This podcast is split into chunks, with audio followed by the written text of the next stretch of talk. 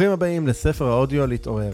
אני ערן שטרן ואני שמח להביא בפניכם את ספרי השני, רב המכר להתעורר, בגרסת האודיו שלו לכל מי שרוצה להאזין. הספר להתעורר הינו ספר חובה לכל שכיר שמתלבט אם להישאר במקום העבודה שלו או להשתחרר ולצאת לחופשי. לעזוב מקום עבודה שכבר לא עושה לכם טוב, זו החלטה מאוד לא פשוטה.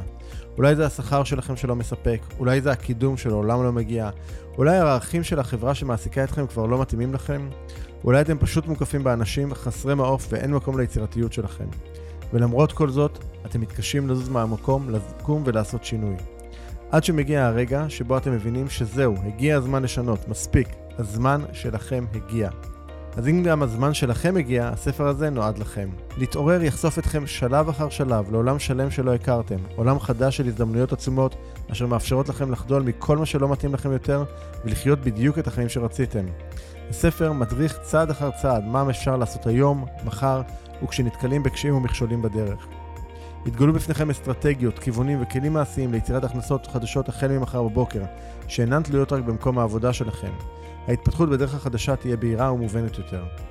ואם כבר קיבלתם השראה ואתם רוצים להתעורר לחיים החדשים שלכם ומחפשים את העזרה לעשות את זה, אני מזמין אתכם לתאם איתנו שיחת בהירות. בשיחה הזו נעזור לכם להתמקד ולהבין כיצד לקדם את השינוי בחייכם.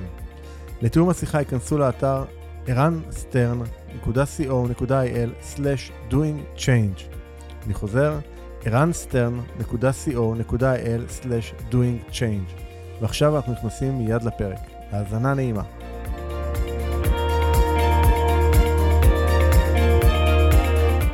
פרק 11 כיצד ליצור הכנסות חדשות החל ממחר בבוקר?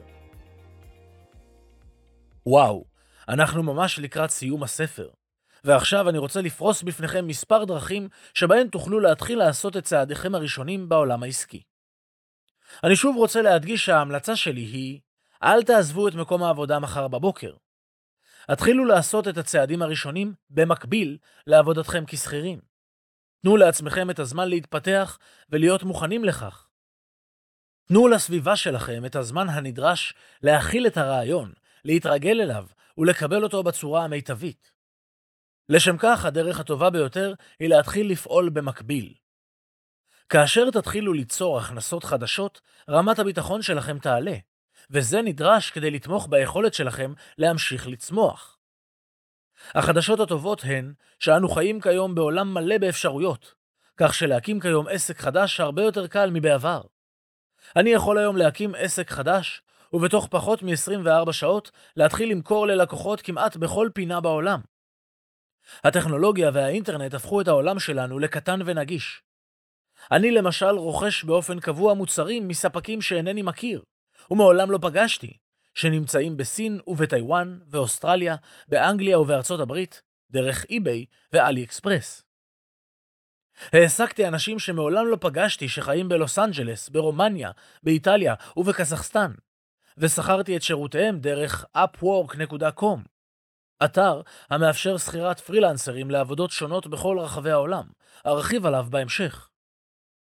העולם שלנו הפך לקטן יותר, נגיש יותר ומהיר יותר, ואלו הן חדשות טובות עבורנו, כי המשמעות היא שיש מגוון אדיר של אפשרויות למימוש הפוטנציאל שלנו. בפרק זה אסקור בפניכם כמה מהדרכים האפשריות להתחיל ליצור הכנסות נוספות במקביל לעבודתכם כשכירים. ודאי שלא כולן יהיו רלוונטיות ומעניינות בעבור כל אחד מכם, אך די שתיקחו רעיון אחד ותתחילו איתו. הנכסים הטבעיים שלכם המקום הראשון שאני מזמין אתכם להתבונן בו ולחפש את העסק החדש שלכם הוא אצלכם בפנים. כל אחד מאיתנו צבר במהלך חייו ניסיון, ידע וכישורים ייחודיים. אלו הם לרוב דברים שנראים לנו מאוד בנאליים ושגרתיים, אבל לאנשים אחרים הם יכולים להיות משמעותיים ובעלי ערך. אחת הלקוחות שליוויתי באופן אישי בתהליך ארוך הייתה מנהלת משאבי אנוש, שכירה בחברת הייטק. התוכנית שלה הייתה לעזוב ולהקים עסק עצמאי שיאפשר לה את חופש הפעולה וההשתכרות שהיא שאפה אליהם. בתהליך שעשינו, מיפינו את תחומי הידע והניסיון שהיא צברה לאורך השנים. התברר שאחד התחומים שבו היה לה ניסיון מקיף וידע ייחודי, הוא בתחום רכישות ומיזוגים. החברה שבה היא עבדה רכשה מספר חברות אחרות בתהליך של מיזוג, וכמנהלת משאבי אנוש באותה חברה, היא צברה ניסיון רב בהובלת התהליכים הנדרשים כאשר פעילות כזו מתרחשת, ובהתמודדות עם אתגרים רבים בתהליך. זיהינו גם שזהו תחום די פופולרי ומקובל למדי בחברות ההייטק הגדולות, ובעיקר בחברות הבינלאומיות. אבל החברות המקומיות שאינן בינלאומיות, אשר עוברות תהליך של מיזוג או רכישה, אין להן את הניסיון הנדרש להתמודד עם תהליך כה מורכב. אתם, מן הסתם, יכולים כבר להבין בעצמכם שהתגלתה לה הזדמנות מעניינת לפתח עסק שמעניק שירותי ייעוץ, ליווי והכוונה לחברות שעוברות תהליכים של מיזוגים ורכישות. לפני שעשינו את התהליך יחד, היא לא הייתה מודעת לכך שיש לה הזדמנות בתחום שהוא מפולח, מוגדר, עם לקוחות ברורים ועם צורך מובהק. כאשר המשכנו בתהליך, יכולנו גם לראות כיצד ניתן להמשיך ולפתח את הידע והניסיון שלה, לא רק לתהליכי ליווי לאותן חברות, אלא גם למגוון רחב של מוצרים ושירותים אפשריים נוספים. הנה כמה שאלות שכדאי לשאול את עצמנו בשלב הזה, שיעזרו לנו לזהות את הידע, היכולות והניסיון הייחודי שיש לנו. אחת, מה הם תחומי העניין שלי, התחביבים שלי, הדברים שאני אוהב לעשות וגורמים לי סיפוק? 2. אם הייתי כותב ספר הדרכה, אילו הם שלושת הנושאים שהייתי בוחר לכתוב עליהם? 3. באילו תחומים אנשים באים לבקש את עזרתי ואת עצתי? 4. במה אני נחשב למומחה בתחומו? 5. על אילו אתגרים, משברים וקשיים התגברתי במהלך חיי? 6. מהם הכישורים והיכולות המולדות שלי? 7. מהן החוזקות שלי? 8. איזה ניסיון ייחודי יש לי? 9. באילו תחומים יש לי ידע רב או ידע ייחודי? 10. איזה מסר הייתי רוצה לשתף עם אחרים, עם העולם? 11. מי הם האנשים שיכולים ליהנות ולהפיק ערך אמיתי מהידע, מהניסיון ומהכישורים שלי? 12. אילו בעיות אני יכול לעזור להם לפתור? 13. איך אני יכול להקל את החיים שלהם, לחסוך להם זמן, כסף, מאמץ? אני ממליץ להגיע לתהליך הזה עם ראש פתוח וללא כל שיפוטיות, ולחשוב מעבר לתחום המצומצם של ההשכלה והניסיון התעסוקתי שלכם. כבני אדם, אנחנו מרובי פוטנציאלים. יש לנו יכולות וכישורים לעשות דברים רבים ובתחומים מגוונים. אם ביום עזיבתי את אינטל הייתי ממשיך לחשוב שהיכולות שלי הן רק בתחומי הידע, ההשכלה והניסיון שלי, אז נראה שהייתי ממשיך לעבוד עד היום כמהנדס שכיר בחברה כלשהי. אגב, אחד הדברים הראשונים שעשיתי, בנוסף לעבודתי באינטל, היה ללמד באקדמיה. קיבלתי מהחברה אישור מיוחד לכך, השתמשתי בידע ובניסיון המקצועי שלי, ולימדתי קורס בתחום מערכות מידע במכללה להנדסה בירושלים. לפני שעזבתי את עבודתי, חתמתי הסכמים עם שתי מכללות נוספות להנדסה בבאר שבע ובאשדוד, ולמעשה לאחר שיצאתי לדרך העצמאית, לימדתי יום וחצי בשבוע בשלוש מכללות. ההכנסה שקיבלתי מכך הייתה רק כ-20% מהשכר שקיבלתי באינטל לפני שעזבתי, אך זה היווה לי בסיס חשוב בהתחלה, שסיפק לי קצת תחושת ביטחון. לאחר סמסטר אחד התפטרתי משתי מכללות, ולאחר סמסטר נוסף עזבתי גם את השלישית. באחת הסדנאות שהנחיתי השתתף גבר בשם דייב, באמצע שנות החמישים שלו. הוא שיתף אותנו בניסיון החיים שלו ובמה שעבר בימי חייו. הוא סיפר שעלה לארץ לבדו בגיל 17 מארצות הברית. הוא עשה עלייה והתגייס מיד לצבא. הוא סיים קורס טיס והמשיך לשרת כטייס גם לאחר שחרורו מהצבא. הוא התחתן, הקים משפחה ופיתח קריירה כמהנדס. לקראת גיל 50 הוא חלה בסרטן. הוא התמודד באומץ עם המחלה והחלים ממנה. לאחר מכן החליט לעסוק בספורט אתגרי והתחיל לרוץ ולהתאמן. הוא השתתף במרתונים, בטריאטלונים ובתחרויות איש הברזל. לסיכום, זה מה שהוא עשה עד היום. בעל משפחה, טייס, מהנדס, החלים ממחלה קשה והפך לספורטאי. כשבוחנים את סיפור החיים של דייב, ניתן לגלות בו כל כך הרבה איכויות ייחודיות שיכולות להביא תועלת רבה לאחרים. חישבו כמה ניסיון וידע ספציפי יש לאדם כזה, כמה ערך יש לו לתת לעולם. הוא יכול ללוות וללמד נערים שעולים לארץ לבדם איך להסתדר כאן ולבסס את עצמם. הוא יכול לעזור למתגייסים שרוצים להתקבל לקורס טיס ולהפוך לטייסים. הוא יכול לסייע לאנשים שמתמודדים עם מחלות קשות, ולספורטאים איך מתמודדים עם תחרויות קשות ומאתגרות. יש לו מספיק ידע וניסיון רלוונטי בכל אחד מהתחומים הללו, ומן הסתם יש עוד דברים נוספים שבהם הוא צבר ניסיון במשך החיים. אם הוא יבחר בכך, עומדות בפניו אין ספור אפשרויות לפתח מכל דבר כזה עסק בפני עצמו שייתן ערך אמיתי וממשי ללקוחות שלו. על מנת לממש ולנצל את מאגר הידע, הניסיון והכישורים שלנו, עלינו להתבונן בהם בעיניים רעננות ולאפשר חשיבה שונה ותפיסה שונה על הדרכים שבהן ניתן להשתמש במאגר הזה ולהטמיע אותן. אני קורא לכך לחשוב מוצרית.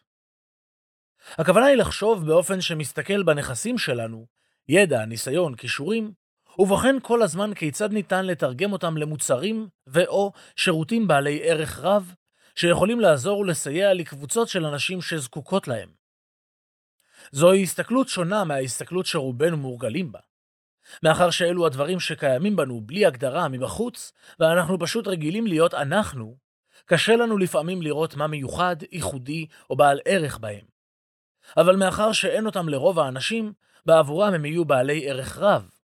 זו הסתכלות שמעלה את תפיסת הערך העצמי שלנו, כי היא מלמדת אותנו להעריך את עצמנו באופן שלם ועמוק יותר. הדבר החשוב והמהותי ביותר הוא לצאת לדרך ולהתנסות בצעדים קטנים. מתוך ההתנסות המעשית תגלו מה מתאים לכם יותר ומה פחות, מה נכון יותר ומה לא. אתם תלמדו ותתפתחו מתוך ההתנסות הזאת, ובעזרתה גם תתגלה בפניכם הדרך שלכם להתקדם. לא חייבים לעזוב את מקום העבודה בשביל זה, אפשר להתחיל ולפעול במקביל לעבודתכם כשכירים. אינסה קליימן מפתחת שיטת לחישות לילה. התחלתי לעזור להורים אחרים. במקביל לעבודתי כשכירה בהייטק, החלטתי לעשות פיילוט עם קבוצה ראשונה של הורים. הפיילוט הוצע בחינם, לא גביתי מהם תשלום. באו הורים לילדים עם הפרעות קשב וריכוז, בעיות של הרטבה בלילה, ובתוך זמן קצר ראינו שינויים מסחררים עם 80% הצלחה כבר בחודש הראשון. עם כל סיפור הצלחה התחדדה בי ההבנה שיש כאן משהו, והבנתי שאני מעוניינת להשקיע בזה יותר. ביקשתי לרדת ל-80% משרה בעבודה, וקיבלתי. התהליך הזה כפה עליי מסע עמוק ומהותי. זה לא היה תהליך קל וטריוויאלי. היו המון חששות ופחדים בדרך. התחלתי לעסוק בכך במקביל לעבודתי כשכירה. עבדתי לילות ושבתות. כל הזמן. פיניתי את כל הזמן שלי לעבוד עם לקוחות. התוכנית שלי הייתה לעבוד כשנתיים ב-80% משרה, ואז לעזוב כדי לעסוק בעסק שלי במשרה מלאה. אבל מצאתי שיותר ויותר קשה לי להמשיך ולעבוד כשכירה, ללא אנרגיה, רצון ותשוקה. בגלל שינויים ארגוניים בחברה, הציעו לי לחזור ל-100% משרה, או לפרוש. באותו החודש ההכנסות שלי מהעסק היו כמעט בגובה ההכנסות שלי מהעבודה שלי. לא היה לי ספק שאני ממשיכה לטפח את העסק שהצלחתי לבנות בעצמי, אז עזבתי את העבודה שלי כשכירה. אינסה קוראת לתהליך שהיא עברה שיטת הרפסודה. הכוונה היא להתחיל ולפתח את העסק כשיש לך רגל אחת על רפסודה אחת, העבודה שלך כשכיר, ורגל שנייה ברפסודה שהיא העסק שלך, ורק אז להעביר את הרגל השנייה מהרפסודה של העבודה לרפסודה של העסק. דרך זו בטוחה וטבעית יותר, וגם מאפשרת לנו לחולל, לבסס את הביטחון העצמי והחוסן הפנימי הנדרש לעשות שינוי מסוג זה. הנה עוד כמה תהליכים שיכולים לעזור לכם לגלות מה אתם יכולים להפיק מתוך הנכסים הטבעיים שלכם. באמצעותם תוכלו להעלות רעיונות חדשים לעסק משלכם, וגם לפתח רעיונות נוספים להכנסות נוספות. המטרה היא לפתח את שריר הרעיונות שלכם. אנשים רבים נוטים לחשוב שיצירתיות היא יכולת מולדת, שנולדים איתה או שלא. אך זה כל כך לא נכון. יצירתיות זו יכולת נרכשת שאפשר לפתח ולאמן, ממש כמו שאנו מאמנים שריר בחדר כושר. הנה כמה דברים פשוטים שניתן וכדאי לעשות כדי לפתח בנו את היצירתיות, שתניב רעיונות חדשים לפיתוח העסק וליצירת הכנסות נוספות. החשפו לתכנים חדשים. אני ממליץ לעשות זאת בכל יום. ניתן לעשות זאת במגוון רחב של נושאים ואמצעים. זה יכול להיות קריאת ביוגרפיות של אנשים מצליחים, חוקרים או לומדים, האזנה להרצאות באינטרנט, צפייה במגוון שיעורים והרצאות וידאו ביוטיוב או בטד, תוכניות ייעודיות בטלוויזיה. אין זה משנה מה, חשוב רק לשמור על מגוון ועקביות. החשפות לתכנים חדשים מפעילה את היצירתיות המחשבתית. וכשמתרגלים להרהר ברעיונות ולחפש רעיונות, הם מגיעים. אני נוהג לוודא שתמיד יהיו לידי דף או מחברת, ואפילו פתק בכיס, כך שכאשר עולה לי רעיון, יש לי היכן לרשום אותו מיד. כתבו את הרעיונות שעולים לכם. אתם יכולים להקצות לכך מחברת יהודית או תיקייה במחשב. רשמו כל רעיון חדש שעולה לכם, גם אם אין בכוונתכם לממש אותו כעת או בכלל. ערכו רשימה שבה תתעדו את כל הרעיונות שעולים לכם בראש, בין אם זה דבר שאתם יודעים שתממשו אותו, ובין אם לא. פשוט רשמו אותו. יש לי קובץ במחשב שתיעדתי בו לאורך השנים מאות רעיונות שונים. צברתי את הרעיונות. חלק קטן מהם מימשתי, חלק גדול עדיין לא. זה לא משנה. זה פשוט מרגיל את שריר הרעיונות שלכם לעבוד ומחזק אותו. היפגשו כל הזמן עם אנשים חדשים. כפי שהזכרתי במהלך הספר, בתהליך השינוי שלי נפגשתי עם כ-500 אנשים חדשים בתקופה של שנה וחצי, וזה דבר שאני ממשיך לעשות גם היום. אמנם לא באותו הקצב, אבל אתם תופתעו לגלות כמה השראה תקבלו, כמה רעיונות חדשים יעלו בכם, וכמה שיתופי פעולה תיצרו מהפגישות החשובות הללו. השתמשו בשתי אונות המוח שלכם. כפי שאתם ודאי יודעים, המוח שלנו מורכב משתי אונות. האונה השמאלית זו האונה של הסדר, ההיגיון ושיקול הדעת. האונה הימנית היא הרגשית, האינטואיטיבית והיצירתית, וממנה יגיעו היצירתיות והחדשנות שלכם בדרך כלל. בימים עברו, חיינו היו מאוזנים יותר ואפשרו לנו להשתמש בשתי אונות המוח בצורה מאוזנת. חישבו לכמה יצירתיות היה נדרש האדם בעבר, כשהיה צריך לצוד לעצמו את ארוחת הערב. ולעומתו, בעידן שבו אנו חיים כיום, לא נדרשת כמעט שום יצירתיות כדי להוציא מגשית מהמקרר, לשים במיקרוגל וללחוץ על כפתור. מרביתנו מפעילים כיום בעיקר את האונה השמאלית שלנו, ופועלים ממנה. אני ממליץ ליזום פעולות שגורמות לאונה הימנית להיות פעילה יותר, כדי ליצור איזון בין שתי האונות. מה שמפעיל את האונה הימנית הן כל הפעוליות שקשורות לתחומי היצירה והביטוי העצמי. ציור, ריקוד, נגינה, משחק, מדיטציה, ספורט, פעילות רוחנית כזו או אחרת. הירשמו לקורסים חדשים, פתחו תחביבים חדשים. אונה ימנית רגשות ותחושות, הוליסטי, ראייה של המכלול, בו זמני, שימוש בדמיון, אימפולסיביות, נטילת סיכונים, אמונה ופילוסופיה, תחושות ודמיון, סמלים ותמונות, תפיסת ההווה והעתיד, ערבוביה, אין סוף אפשרויות, אינטואיטיביות. אונה שמאלית, מחשבות, פרטני, ראיית הפרט, לינארי, חשיבה מבוססת מציאות, תבניתיות, חיפוש ביטחון, מתמטיקה ומדע, ידע והיגיון, מילים ושפה, תפיסת ההווה והעבר, סדר, מעשיות, אנליטיות, תנו לרעיונות שלכם זמן להבשיל. כשיתחילו לעלות בכם רעיונות, אולי תתלהבו מהם מאוד ותחושו קצרי רוח לממש אותם. אולי תגלו שמרוב רעיונות אתם הולכים לאיבוד. ואולי תגלו שיש פער בין הרעיונות ליכולת המימוש.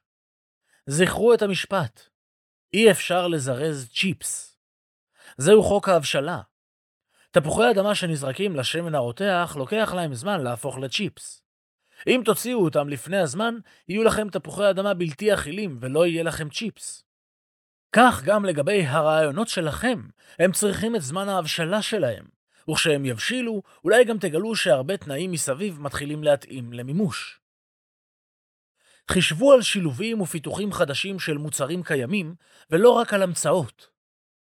בתחום העסקים ישנם שני סוגים עיקריים של יצירתיות. רבים חושבים שבשביל העסק שלהם או המוצר שהם רוצים לפתח, הם צריכים להמציא את הגלגל מחדש, להמציא משהו שלא היה קיים קודם. אך האמת היא שרוב ההצלחות העסקיות הגדולות הן שיפור ופיתוח של דברים קיימים, ולא המצאה של דברים חדשים. נפוליאון היל מבדיל בין דמיון יצירתי ובין דמיון מצרפי, שמחבר דברים קיימים למוצר או שירות עם מאפיינים חדשים ותכונות חדשות. קחו למשל את מכשיר הטלפון הנייד שלכם.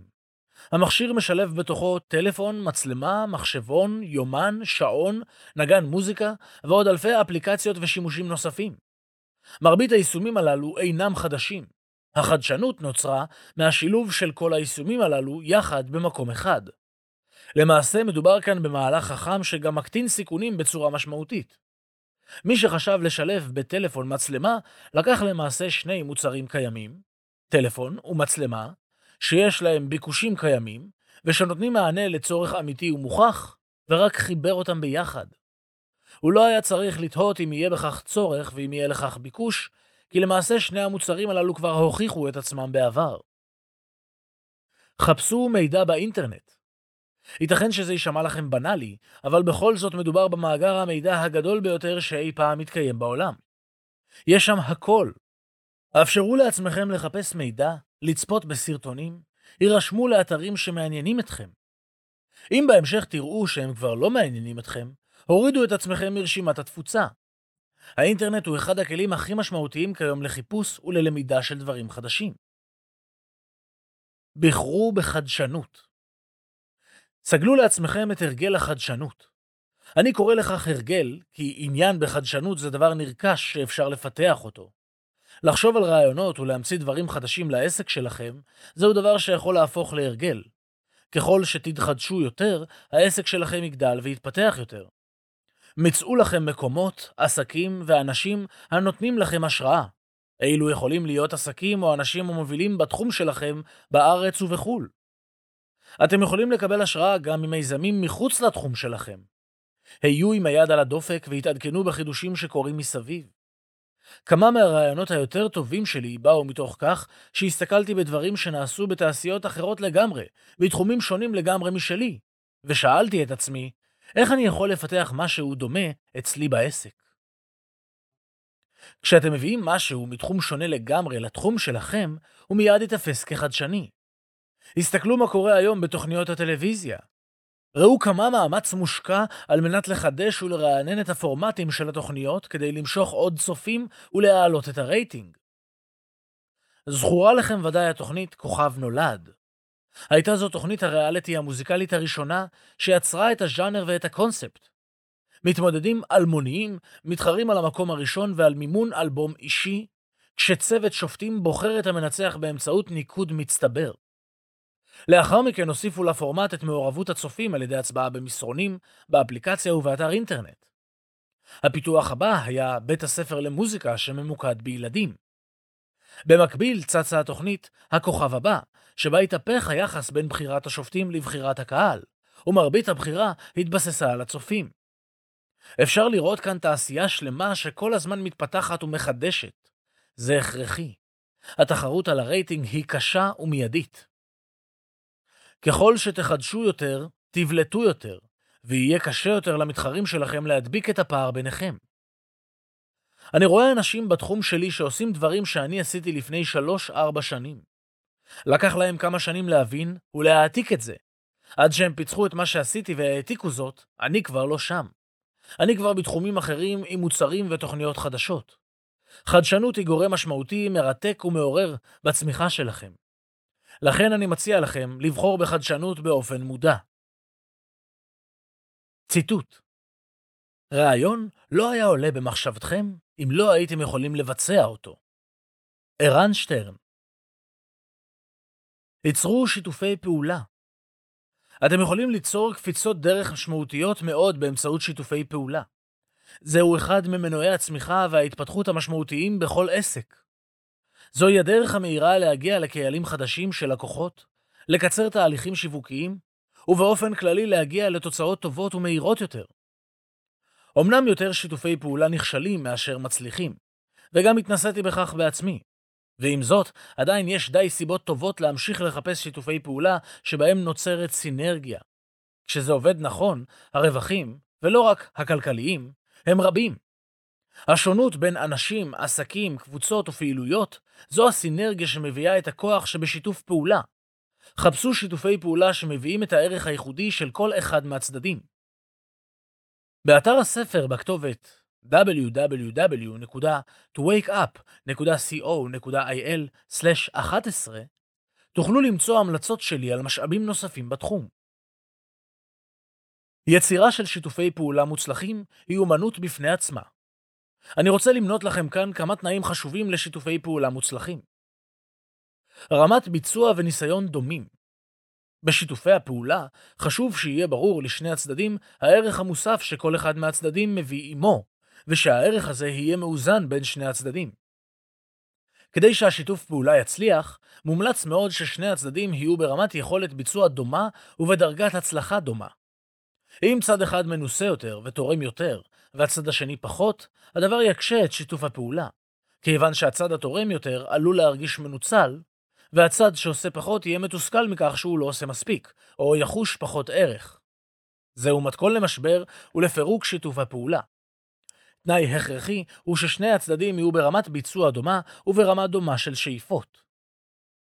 אני ממליץ להגדיר ולכתוב מה יהיו תפקידיו של כל צד בפעילות המשותפת, מה יהיו תחומי האחריות של כל צד, ולהגדיר מנגנון מעקב משותף אחר הביצוע. כבוד והערכה בין שני הצדדים הם עוד תנאי הכרחי. בלעדיו אין שום סיכוי ששיתוף הפעולה יעבוד. אם מסיבה כלשהי נפגעים הכבוד והערכה ההדדיים, זוהי הנקודה שבה שיתוף הפעולה יתקרב לקיצו. יכולת הכלה של מישהו נוסף לידכם. בשיתוף פעולה, עליכם להכיל את העובדה שיש איתכם עוד אדם עם צרכים ורצונות, שעליכם להתחשב בהם. עליכם להכיל את העובדה שתצטרכו לחלוק ביניכם תפקידים דומיננטיים יותר ופחות. כל אחד מהצדדים צריך לתת מרחב פעולה לצד האחר, לחוש כבוד והערכה ולפרגן לו. בלי זה, יהיה קשה מאוד עד בלתי אפשרי לשיתוף הפעולה להצליח. איך ליצור שיתוף פעולה? ככל שהעסק שלכם יצליח יותר, יותר אנשים יפנו אליכם בבקשות לשיתופי פעולה. רוב הפניות שתקבלו לא יהיו רציניות או רלוונטיות בעבורכם, ורבות מהן יגרמו לכם לחוש שאתם מבזבזים את זמנכם. אין זה אומר שעליכם להתעלם מכולן באופן גורף, אך יהיה כדאי לכם לפתח שיטה או מנגנון שיאפשר לסנן אותן ביעילות. כשאתם פונים למישהו בהצעה לשיתוף פעולה, התמקדו בו. המפתח הוא קודם כל להציג בפניו את התועלת שהוא יקבל משיתוף הפעולה.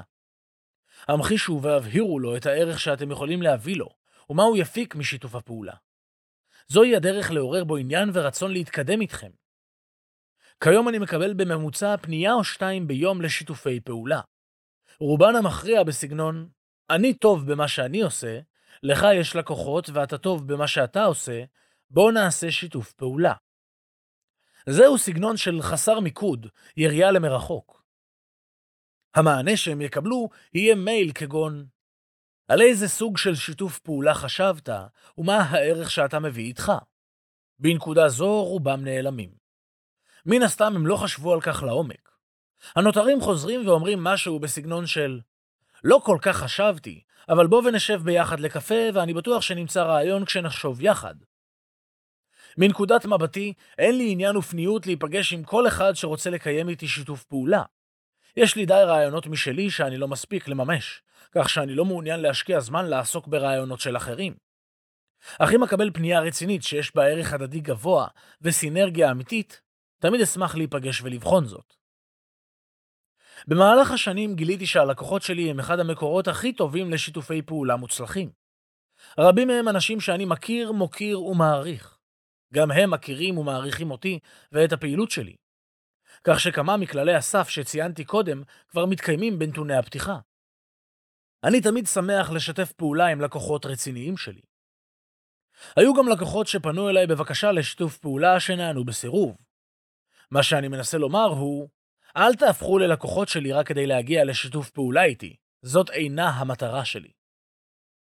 אך אחד הדברים שעובד בעבורי, ואני מאמין שיעבוד גם בעבורכם, הוא יחסים שמתפתחים מיחסי בעל עסק-לקוח לשיתוף פעולה או לשותפות בעסקים.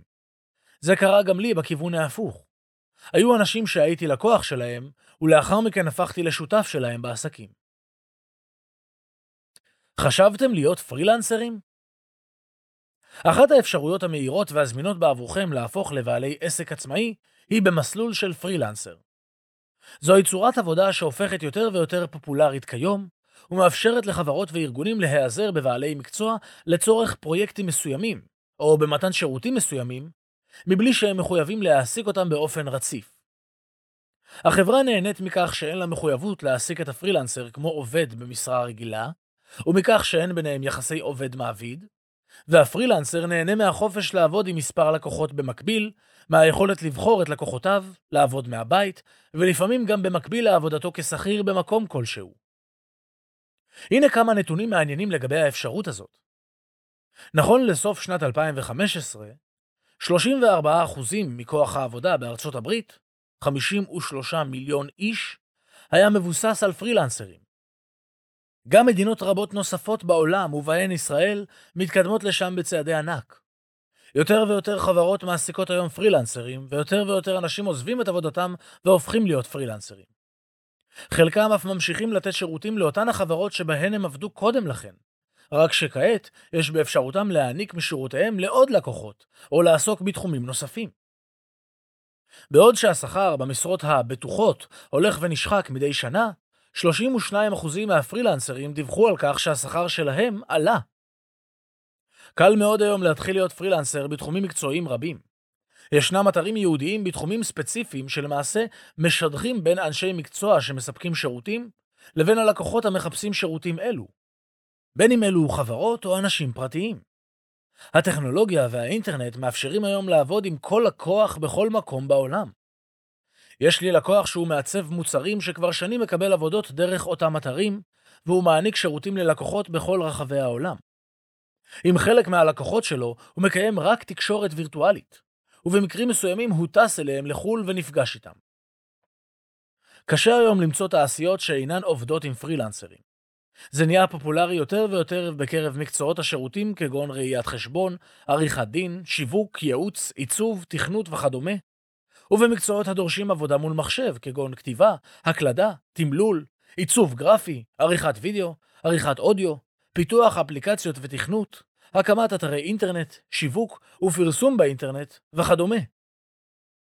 יש באפשרות הזאת גמישות רבה שאתם יכולים ליהנות ממנה ולנצל אותה. אתם יכולים החל ממחר בבוקר להציע את השירותים שלכם ללקוחות בכל העולם. אתם יכולים לעבוד מביתכם, במקביל לעבודתכם כשכירים או במקומה. צורת עבודה זו משנה לחלוטין את מבנה שוק העבודה כפי שאנו מכירים אותו. בעולם התעסוקה הרגיל, ההתקדמות היא בצורה של טיפוס על סולם, משלב לשלב. ואילו כאן, אתם יכולים לקפוץ מלקוח ללקוח, מפרויקט לפרויקט, ולמעשה הקידום שלכם אינו מבוסס על ארגון אחד בודד, על מעסיק אחד, או על בוס אחד שאוהב אתכם יותר או פחות. הקידום שלכם מתבסס על כך שאתם יוצרים מערכת מסועפת של קשרים עם אנשים במגוון רחב של חברות וארגונים, צוברים ניסיון בפרויקטים רבים ובעבודה עם לקוחות רבים, וכך אתם בונים את המוניטין שלכם. המוניטין הזה נשאר שלכם, במקום שיישאר אצל המעסיק שלכם. ישנו כאמור מגוון רחב של אתרים בארץ ובחו"ל שמאפשר לכם להתחיל בכך כבר מחר בבוקר. היכנסו לאתר הספר בכתובת www.towakeup.co.il/12 ושם אני מפרסם את כל הכישורים הרלוונטיים בעבורכם. המותג האישי שלכם גשו כעת למחשב, פיתחו את הדפדפן וייכנסו לגוגל. כעת תקישו את השם המלא שלכם, שם פרטי ושם משפחה. מה קיבלתם? אני מניח שהתשובות של חלק מכם הן לא קיבלתי כלום. עלה קישור לדף הפייסבוק שלי. עלה השם שלי, אבל זה לא אני, אלא מישהו אחר. נראה שרק בודדים מביניכם עונים, קיבלתי את האתר שלי, או את הבלוג שלי. ציינתי כבר בפרק הראשון של הספר שהחשיבות של המותג האישי והביטוי הדיגיטלי שלו הם כיום דרמטיים בחשיבותם. זה נכון, אגב, גם למי שבוחר להמשיך לעבוד כשכיר. לאחרונה הוזמנתי לקיים יום רעיונות באחת החברות שאני מייעץ לה. ראיינו ארבעה מועמדים לתפקיד מסוים. מובן שלפני תחילת הראיונות עשיתי חיפוש בגוגל על שמות המתמודדים. היה מעניין לגלות ששניים מהם היו בעלי אתר מושקע שהציג עבודות שלהם, את הניסיון ואת הידע שלהם. זה לא היה מפתיע, כי אותם שניים בעברם היו פרילנסרים בתחום, שכעת ביקשו להתקבל למשרה בחברה. ניתן ללמוד הרבה על אדם מהנוכחות האינטרנטית שלו. האינטרנט וגוגל מחליפים היום את קורות החיים המסורתיים. מעסיקים כבר מזמן מסתכלים ומחפשים מידע על המועמדים, לראות מי הם, מה הם כותבים בפייסבוק, מה גוגל מוצא עליהם, ואיך נראה הפרופיל שלהם בלינקדין. גם אם אתם עדיין שכירים, אני ממליץ לכם לפתוח בלוג או להקים אתר משלכם, שבו תכתבו ותביאו לידי ביטוי את הניסיון והמקצועיות שלכם תחת השם שלכם. בימינו זהו דבר כה מתבקש ונדרש, עד כי לטעמי אתם לא יכולים להרשות לעצמכם שלא לעשות כן. לפני מספר שנים נפגשתי עם מנהלת בכירה מאוד באחת מחברות ההייטק המובילות בארץ, והמלצתי לה לפתוח בלוג מקצועי משלה, שבו תכתוב על נושאים הקשורים לתחום עיסוקה, ותשתף מהניסיון המקצועי שלה. לשמחתי היא עשתה כך ללא שהות, ובשנתיים שחלפו מאז היא החלה להיות מוזמנת להרצאות בתחום שלה, לשמש כיועצת לחברות אחרות, ובעיקר לבסס את המותג והשם האישי שלה כמומחית בתחום התעסוקה שלה. התבוננו בעולם העסקים כיום. יותר ויותר עסקים נקראים על שם היזם. רמי לוי, פורד, סטימצקי, גדעון אוברזון, חלי ממן וכדומה. השמות שלהם הם המותג החשוב והחזק שלהם. גם השם שלכם חשוב. חשוב מה אחרים אומרים עליכם, ומה הם חושבים על המקצועיות שלכם. אספו את העדויות הללו. פחות בעבור האגו שלכם, ויותר בעבור בניית המותג שלכם. התחילו להתייחס אל עצמכם כאל מוצר. מוצר שצריך לארוז היטב, לשווק ולמכור. אחד הספרים שקראתי עוד כשעבדתי באינטל, היה ספרו של תום פיטרס שנקרא "אתה המותג". 50 דרכים להפוך אותך מעובד למותג. הרעיונות בספר שלו היו אז מאוד חדשניים, אך מן הסתם היום הם רלוונטיים מתמיד. עולם הידע והמומחיות אחד התחומים הפופולריים והמתפתחים כיום עסקית וכלכלית הוא מה שמוכר כתעשיית הידע והמומחיות. באנגלית, info-marketing. הרעיון הוא פשוט. קח את הידע והניסיון שיש לך, ארוז אותו בדרכים שונות ושווק אותו ללקוחות. ישנן דרכים רבות ומגוונות שניתן לארוז בהן את המידע. אגב, הספר הזה שאתם מחזיקים בידכם כעת הוא דוגמה לאריזת ידע, במקרה הזה הידע שלי, ושיווקו לאחרים.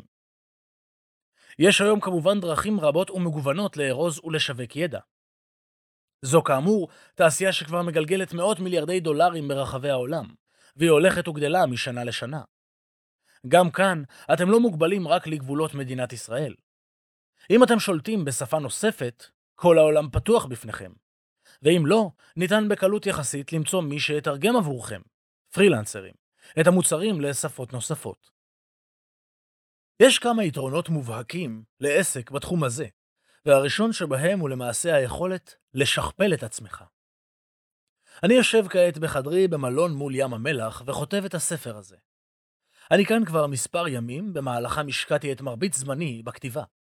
לכתוב ספר ולהוציא אותו לאור זאת אמנם השקעת זמן ומשאבים לא קטנה, אבל אני יודע שאת ההשקעה הזאת אני עושה פעם אחת. מהרגע שהספר יוצא לאור ונמכר, אני לא צריך שוב להשקיע בו זמן, למעט נפח מסוים של פעולות פרסום ושיווק. וזאת להבדיל מפעילויות אחרות שבהן אם אנו מפסיקים להשקיע זמן, אז גם התגמול שלנו נפסק. בעולם מוצרי הידע זה לא המצב, אלא להפך. יש כאן למעשה מודל שכפול פשוט שאינו מצריך גיוס עובדים נוספים והוצאות משמעותיות. יצירה של מוצרי מידע המבוססים על הידע והניסיון שלנו מאפשרת לנו לשכפל את עצמנו למעשה בלי הגבלה. כל מוצר כזה יכול לייצר לנו הכנסות נוספות ולאורך זמן. יש לי מוצרי ידע שיצרתי לפני 5-6 שנים שעדיין נמכרים. אני לא משקיע בהם כמעט שום זמן והם עדיין מייצרים הכנסות. על מנת ליצור מוצרים חדשים, אין צורך בהרבה משאבים מיוחדים או נוספים, כי למעשה המשאב העיקרי, שהוא הידע והניסיון, כבר קיימים בכם. באמצעים הטכנולוגיים הקיימים כיום, צילום והקלטת וידאו ועריכה זמינים באמצעים פשוטים. אפילו במצלמה של הנייד ניתן להגיע לתוצאות מצוינות וליצור קטעי וידאו. יתרון שני הוא שיש סבירות גבוהה לכך שלקוחות שרכשו מכם מוצר אחד ירכשו מכם עוד מוצרים. זו התנהלות מוכרת וטיפוסית בתעשייה הזאת. העיקרון הוא פשוט. אם הפקתי ערך ממוצר מסוים, נראה שארצה לקבל עוד ידע דומה ולכן ארכוש מוצר נוסף. העיקרון הזה גם מוביל לכך, שלמעשה כדאי לשקול ליצור מספר מוצרים, ולאו דווקא מוצר אחד.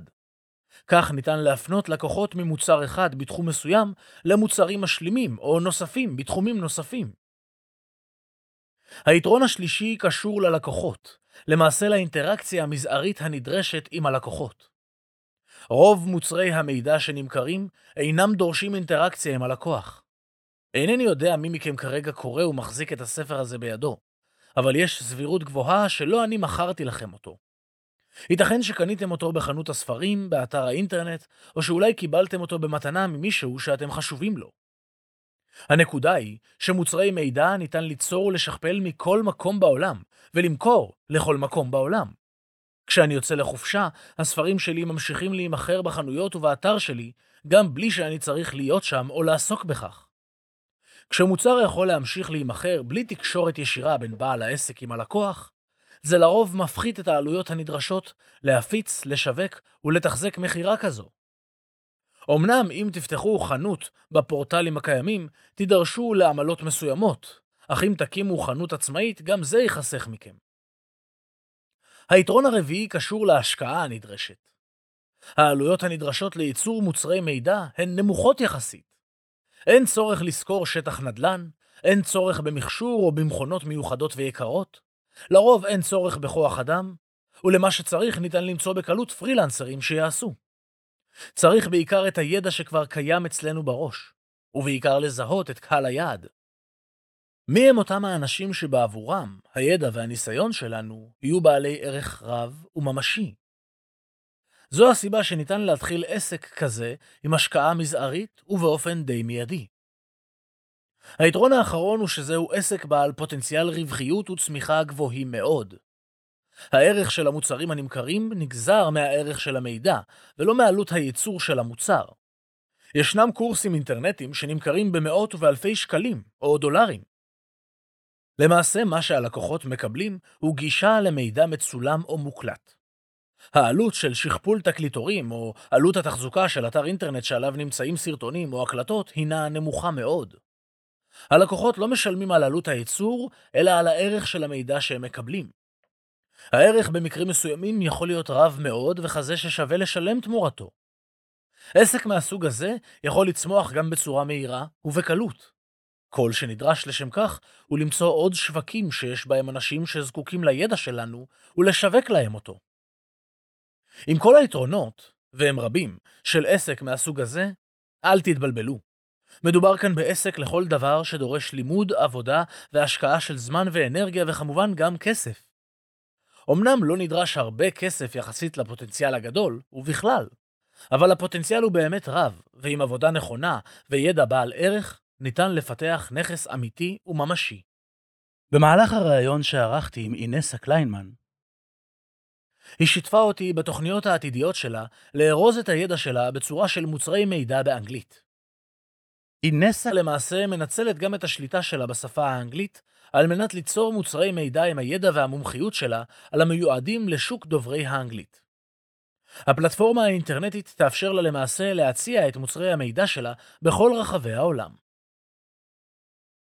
נדל"ן, השקעות ושוק ההון אנשים רבים, ובהם כולל שכירים רבים, מייצרים לעצמם הכנסות נוספות, פסיביות ברובן, גם דרך שוק ההון, השקעות ונדל"ן. אלו הם תחומים שדורשים התמקצעות, למידה וניסיון, כמו כל תחום אחר בחיינו. גם אם אין לכם הניסיון הזה כרגע, אתם יכולים להתחיל ללמוד ולרכוש אותו. לא הייתי ממליץ לפעול בתחומים הללו ללא ידע, למידה וליווי מקצועי. אם תסכימו להיפתח לכך ולהשקיע בכך את מה שנדרש, תוכלו לקטוף את הפירות של ההשקעות הללו בתוך שנים ספורות, וליהנות מהם למשך כל חייכם. אחד האנשים המרתקים, המצחיקים והמרגשים יותר שזכיתי להכיר וללוות הוא יובל שוורצמן. כיום יובל הוא שחקן תיאטרון מוביל ומשקיע נדל"ן. אני מביא כאן את סיפורו כדי שתוכלו לראות את הפוטנציאל הגדול שטמון בכך גם בעבורכם.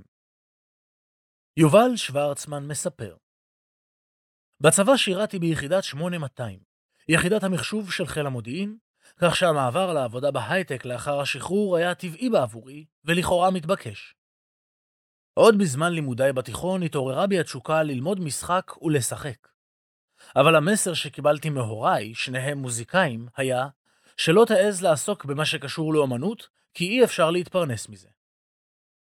התחלתי לעבוד בחברת הייטק בהרצליה פיתוח, ולאחר חודשיים כבר היה לי ברור לגמרי שזה לא בשבילי.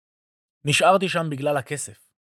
התיאטרון מאוד משך אותי, זה ממש הדיר שינה מעיניי. התחלתי לחפש אפשרויות נוספות להרוויח כסף. התחלתי לקחת קורסים על נדל"ן ושוק ההון. לנדל"ן יותר התחברתי ובעיקר התחברתי למרצה. למעשה הוא עשה את מה שאני רציתי לעשות.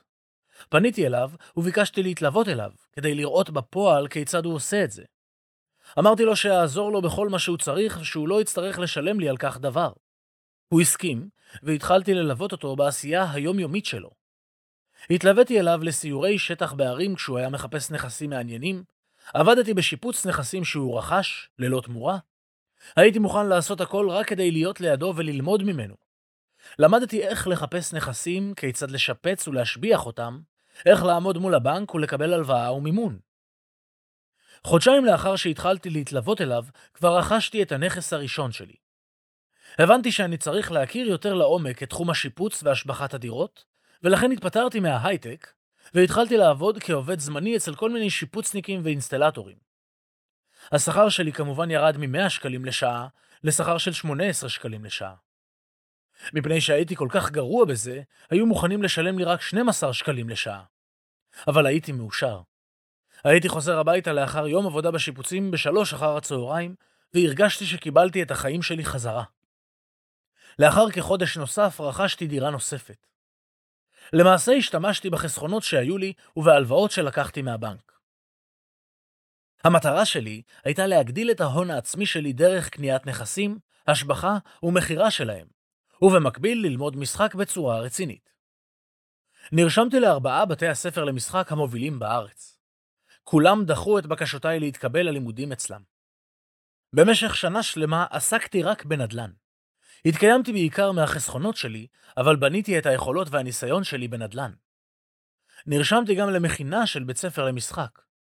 שוב נרשמתי לבחינות בבתי הספר למשחק, ופעם נוספת נכשלתי בכל הבחינות. הבנתי שמשהו בגישה שלי עוצר אותי ומפריע לי. זו הייתה תקופה של התפתחות אישית מדהימה. הגשתי בקשה נוספת לבית הספר למשחק של ניסן נתיב, והפעם התקבלתי. במקביל המשכתי לרכוש עוד נכסי נדל"ן. כל נכס שרכשתי יצר לי הכנסה חודשית נוספת מההשכרה שלו. המטרה שלי הייתה להגיע להכנסה כמו שהייתה לי כשעבדתי בהייטק, עשרת אלפים שקלים נטו בחודש. בתחילת דרכי, בני המשפחה שלי והחברים שלי התנגדו מאוד לפעולות שלי. הם טרחו לספר לי כל הזמן סיפורי אימה על אנשים שהפסידו כספים ונכשלו. היה להם גם מאוד מוזר לשמוע שאני נעזר במנטור. הם לא הבינו את זה. אבל אני יודע שזה היה מפתח משמעותי להצלחה שלי. הבנתי עד כמה המנטור שנעזרתי בו קידם אותי. חברתי לאדם נוסף ששימש כמנטור בעבורי, וביחד נסענו לארצות הברית והתחלנו לרכוש נכסים להשקעה גם שם. במשך שלוש שנים למדתי משחק והשקעתי בנדל"ן. לאחר שלוש שנים של לימודים, היו לי די נכסים שייצרו לי את ההכנסה הפסיבית שרציתי, כמו שהרווחתי בהייטק לפני שעזבתי. המשכתי לרכוש עוד נכסים. והפעם, בני המשפחה שלי שראו שאני מצליח, החלו להתעניין ברצינות במה שאני עושה, והתחלתי לרכוש נכסים גם בעבורם. אחי הקטן הוא בן 23 ומשרת בקבע. ברשותו כבר שני נכסים שמעניקים לו הכנסה בגובה המשכורת הצבאית שלו. ההורים שלי לוחצים גם עליו שילך ללמוד הנדסה ולעבוד בהייטק, אבל הוא ממש לא מבין לשמה הוא צריך לעשות את זה. היום אני מרגיש מבורך. אני כותב את הפירות של ההשקעה העצומה שלי. לאנשים מהצד זה יכול להיראות כמו סיפור סינדרלה, אבל זה ממש לא כך. אין כאן ניסים, זה לא סיפור מהאגדות. יש כאן סיפור על עבודה קשה, על התמודדות עם קשיים ואתגרים, והתמדה. אני לא רואה את עצמי כאדם יוצא דופן. כל חיי הייתי די ממוצע. אבל אני טוב בלעבוד קשה, בלהתמיד, ובלא לתת למציאות להכניע אותי. נכשלתי שמונה פעמים עד שהצלחתי להתקבל לבית ספר למשחק, והיום אני משחק בתיאטרונים המובילים בארץ. הגישה שהחזקתי בה הייתה תמיד חיובית. תמיד רציתי לקום בבוקר ולהרגיש שאני עושה משהו בעל ערך ובעל משמעות. היום אני מקיים את השליחות שלי ומביא את הברכה שלי לעולם דרך המשחק, וכמלווה אנשים אחרים בהשקעות הנדל"ן שלהם. אני עוזר להם לעשות בדיוק את מה שעשיתי לעצמי. מה שמאוד עזר לי בתהליך, היה שהקפתי את עצמי תמיד במסרים מעצימים וחיוביים, הרצאות מעשירות, הצהרות חיוביות, ונעזרתי במנטורים לכל אורך הדרך. כל שקל ששילמתי למנטור החזיר את עצמו פי כמה וכמה, לפחות פי עשר, אם לא יותר. אני מוצא המון השראה בדרך שיובל עשה. הוא הדגים הלכה למעשה את כל מה שכתבתי עליו עד כאן בספר. אחד לאחד הוא השתמש ופעל על פי כל העקרונות שמובילים אנשים להצלחה. גם רוברט שמין, שהזכרתי מוקדם יותר בספר, בנה את עצמו ואת ההון שלו בנדל"ן. כילד הוא הוגדר על ידי מוריו בבית הספר כטיפש וכלא יוצלח. הוא נשר ממערכת החינוך בגיל 15 ועבד כמנקה שולחנות במסעדה מקומית. ברב המכר הבינלאומי שכתב, איך זה שהאידיוט הזה עשיר ואני לא, הוא חשף לראשונה כיצד בנה את ההון שלו מאפס, וכנגד כל הסיכויים, ואיך הפך להיות מולטי מיליונר שבבעלותו יותר מאלף נכסי נדל"ן.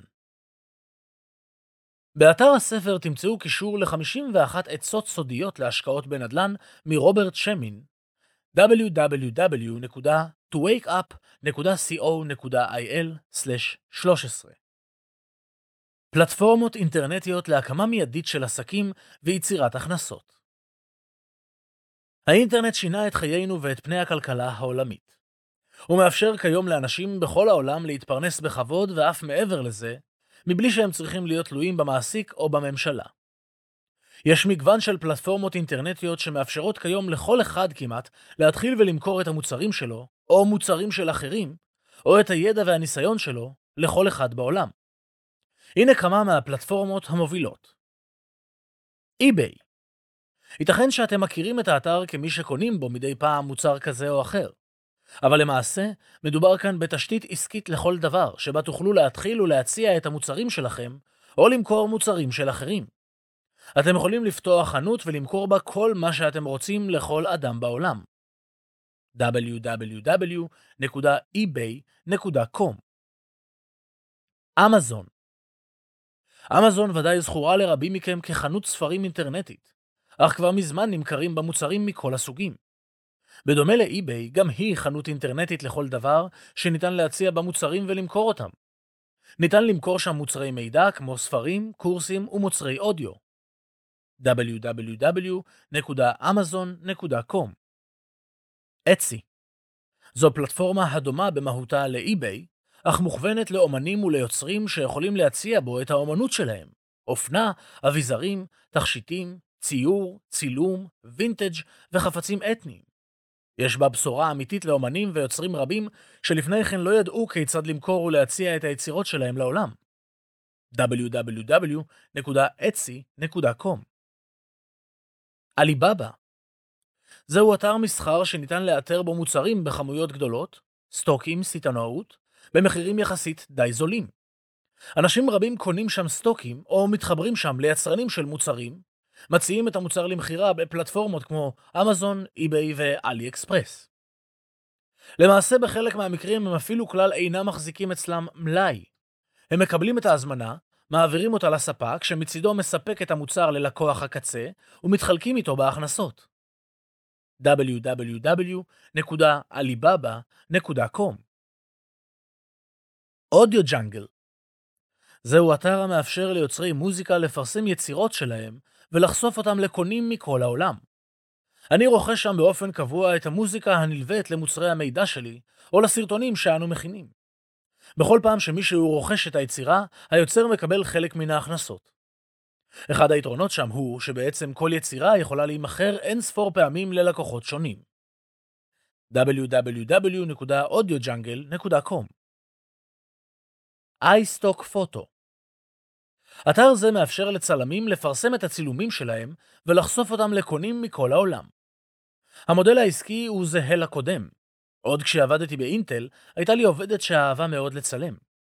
בכל סוף שבוע כשהייתה מטיילת עם המשפחה, היא הייתה מצלמת הרבה תמונות של טבע ונוף, ולפעמים גם את הילדים שלה.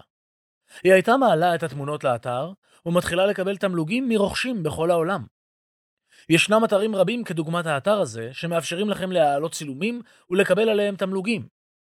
www.istockphoto.com קליקבנק זו אולי הפלטפורמה הגדולה והמקיפה ביותר בעולם, שמשדכת בין יוצרים של מוצרי מידע ובין משווקים אינטרנטיים בכל העולם.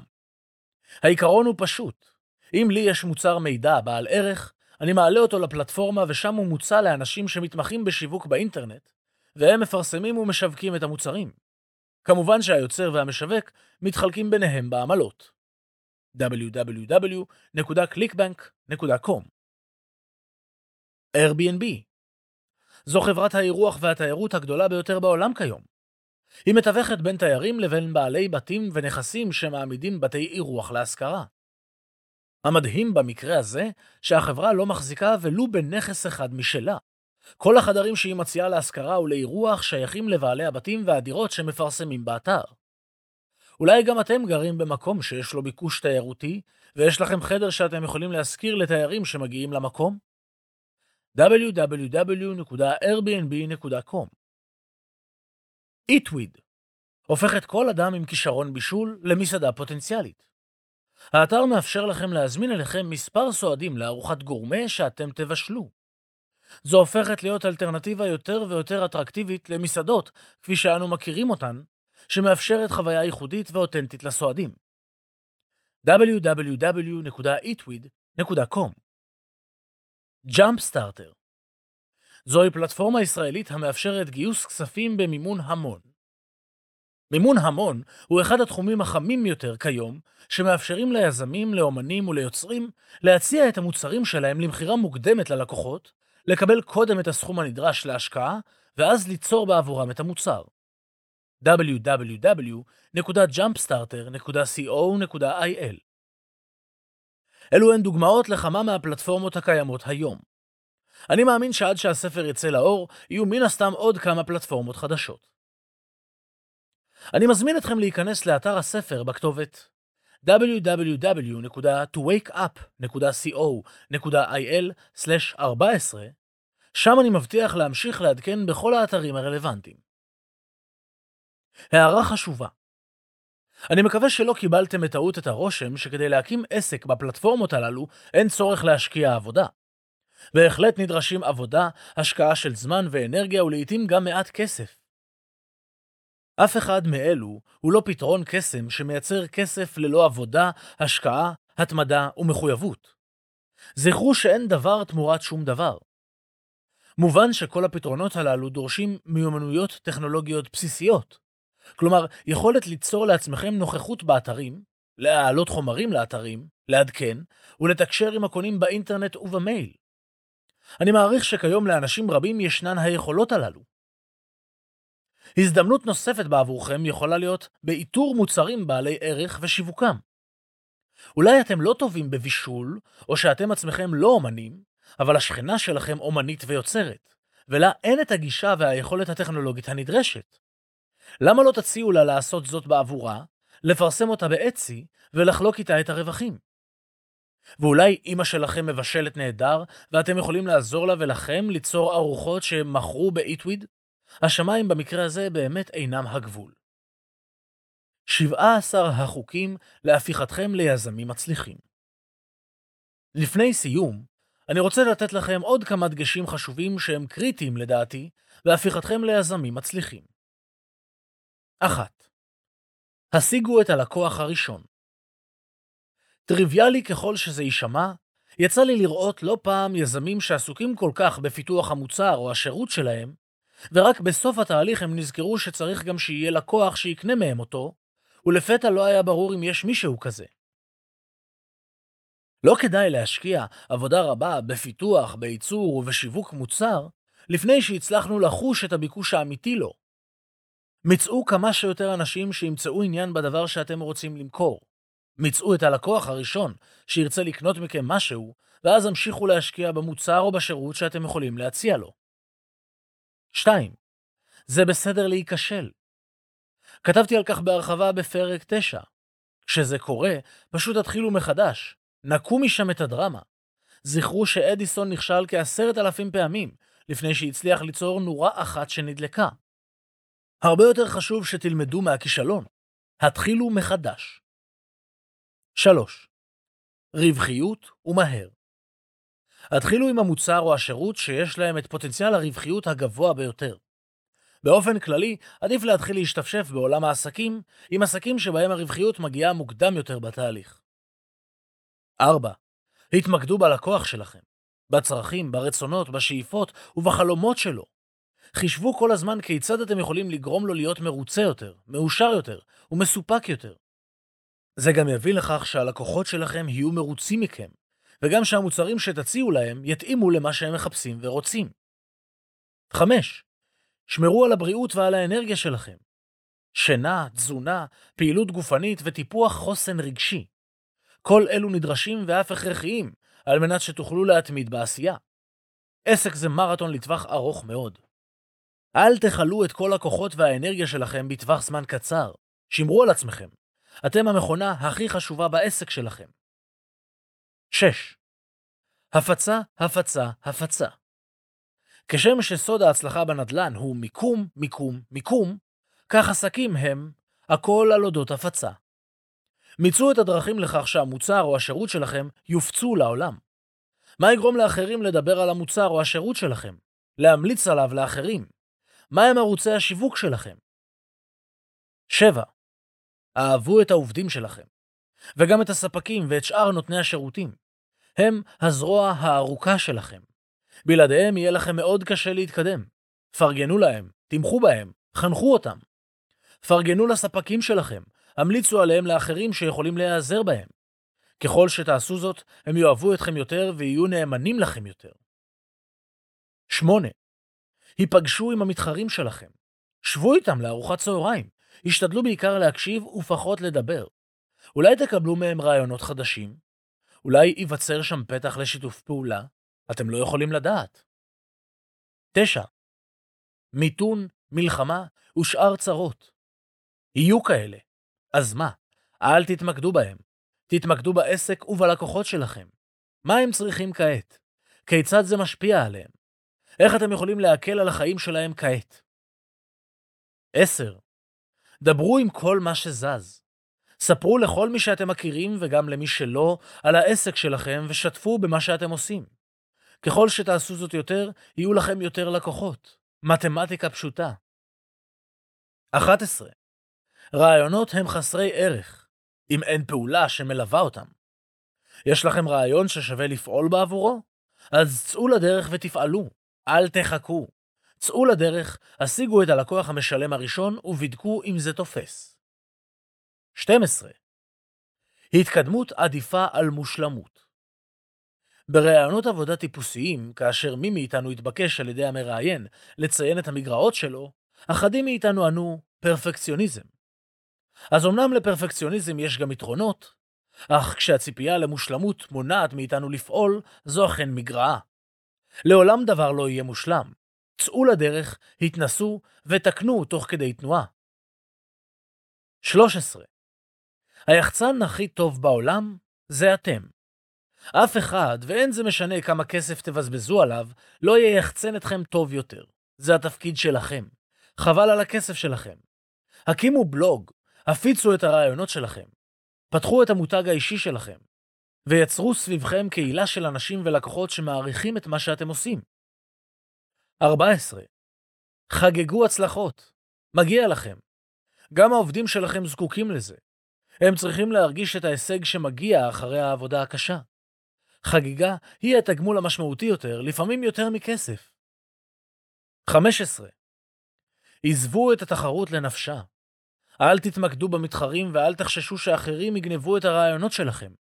מדי פעם מישהו יעשה את זה. אבל הבנו כבר שרעיונות ללא מימוש ויישום הם חסרי ערך. פגשתי בעלי עסק שממוקדים כל כך במה שהמתחרים שלהם עושים, עד כדי כך שהם לא מקדמים כלל את העסק שלהם. 16. הימנעו משיפוטיות וביקורת עצמית. קחו כל טעות או מידע כלמידה. הוציאו מהמשוואה את ההלקאה העצמית ואת השיפוטיות. התמקדו בלמידה ובאיך לשפר את עצמכם בפעם הבאה. 17. צאו לדרך. עכשיו. לעולם לא יהיה זמן מושלם. לעולם לא יהיו לנו כל הידע והמשאבים שאנו צריכים. אל תחכו לרגע שלעולם לא יגיע. התחילו עכשיו. עשו פעולה ראשונה. השאר יגיע. ציטוט הדרך להתחיל היא להפסיק לדבר ולהתחיל לפעול. וולט דיסני לצאת לפעולה עברו על השאלות בעמוד 217 שיעזרו לכם לזהות את הידע, היכולות, הניסיון הייחודיים שלכם. אמצו הרגל חדש של למידה יומית, לקרוא, להאזין או לצפות במשהו חדש. אפילו 15 דקות ביום יעשו את העבודה היטב בעבורכם. קנו לעצמכם מחברת רעיונות ורשמו בה את הרעיונות החדשים שלכם. שמרו אותה נגישה לידכם וכתבו בה כל רעיון חדש שעולה בראשכם, גם אם אינכם יודעים כיצד לממש אותו כעת. אחת לשבוע לפחות, קבעו פגישה עם יזם, בעל עסק או מישהו שנמצא בתהליך דומה לשלכם. חפשו פעילות יצירתית שתפעיל את האונה הימנית במוח שלכם. ציור, ריקוד, ספורט, מוזיקה, מדיטציה וכדומה. הקימו בלוג אישי שבו תוכלו לשתף מהידע והניסיון שלכם. בחנו את רשימת הפלטפורמות שבעמוד 239. האם יש ביניהן כאלו שמושכות אתכם להתחיל ולפעול בהן? אם כן, התחילו לאסוף מידע כיצד לעשות זאת נכון. העזרו באנשים שכבר פועלים שם בהצלחה.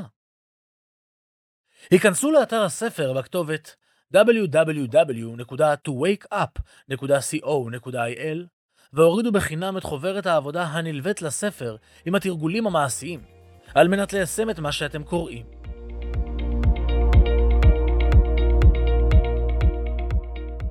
זהו, כאן מסתיים הפרק הזה. אם אהבתם אותו, ודאו שאתם מדרגים את הפודקאסט ב iTunes, Spotify, Google Podcast, SoundCloud, YouTube או בכל פלטפורמה אחרת שדרכה אתם מאזינים לנו כרגע. ומוזמנים גם לכתוב לי תגובות, מה אהבתם? כיצד אתם מיישמים את העקרונות שבספר או כל הערה והערה אחרת שיש לכם. מוזמנים לשלוח לי ישירות למייל feedback at eranstern.co.il חוזר שוב, feedback at eranstern.co.il וגם, אל תשאירו את כל הטוב הזה רק לעצמכם. בטוח שיש לכם חברים שרוצים גם הם להתעורר. שתפו איתם את הפודקאסט הזה. ומילה אחרונה אבל חשובה, אם קיבלתם השראה, אם אתם מרגישים את השינוי בוער בכם, החלטתם שאתם רוצים שינוי ואתם מוכנים לעשות את מה שצריך ולא את מה שנוח כדי ליצור את השינוי הזה בחיים שלכם, אני מזמין אתכם לתאם איתנו שיחת בהירות. בשיחה הזו נעזור לכם להתמקד ולהבין כיצד לקדם את השינוי בחיים שלכם. לתיאום השיחה ייכנסו לאתר ערנסטרן.co.il/doingchange ערנסטרן.co.il/doingchange אני ערן שטרן, שמח שהאזנתם ונשתמע בפרק הבא.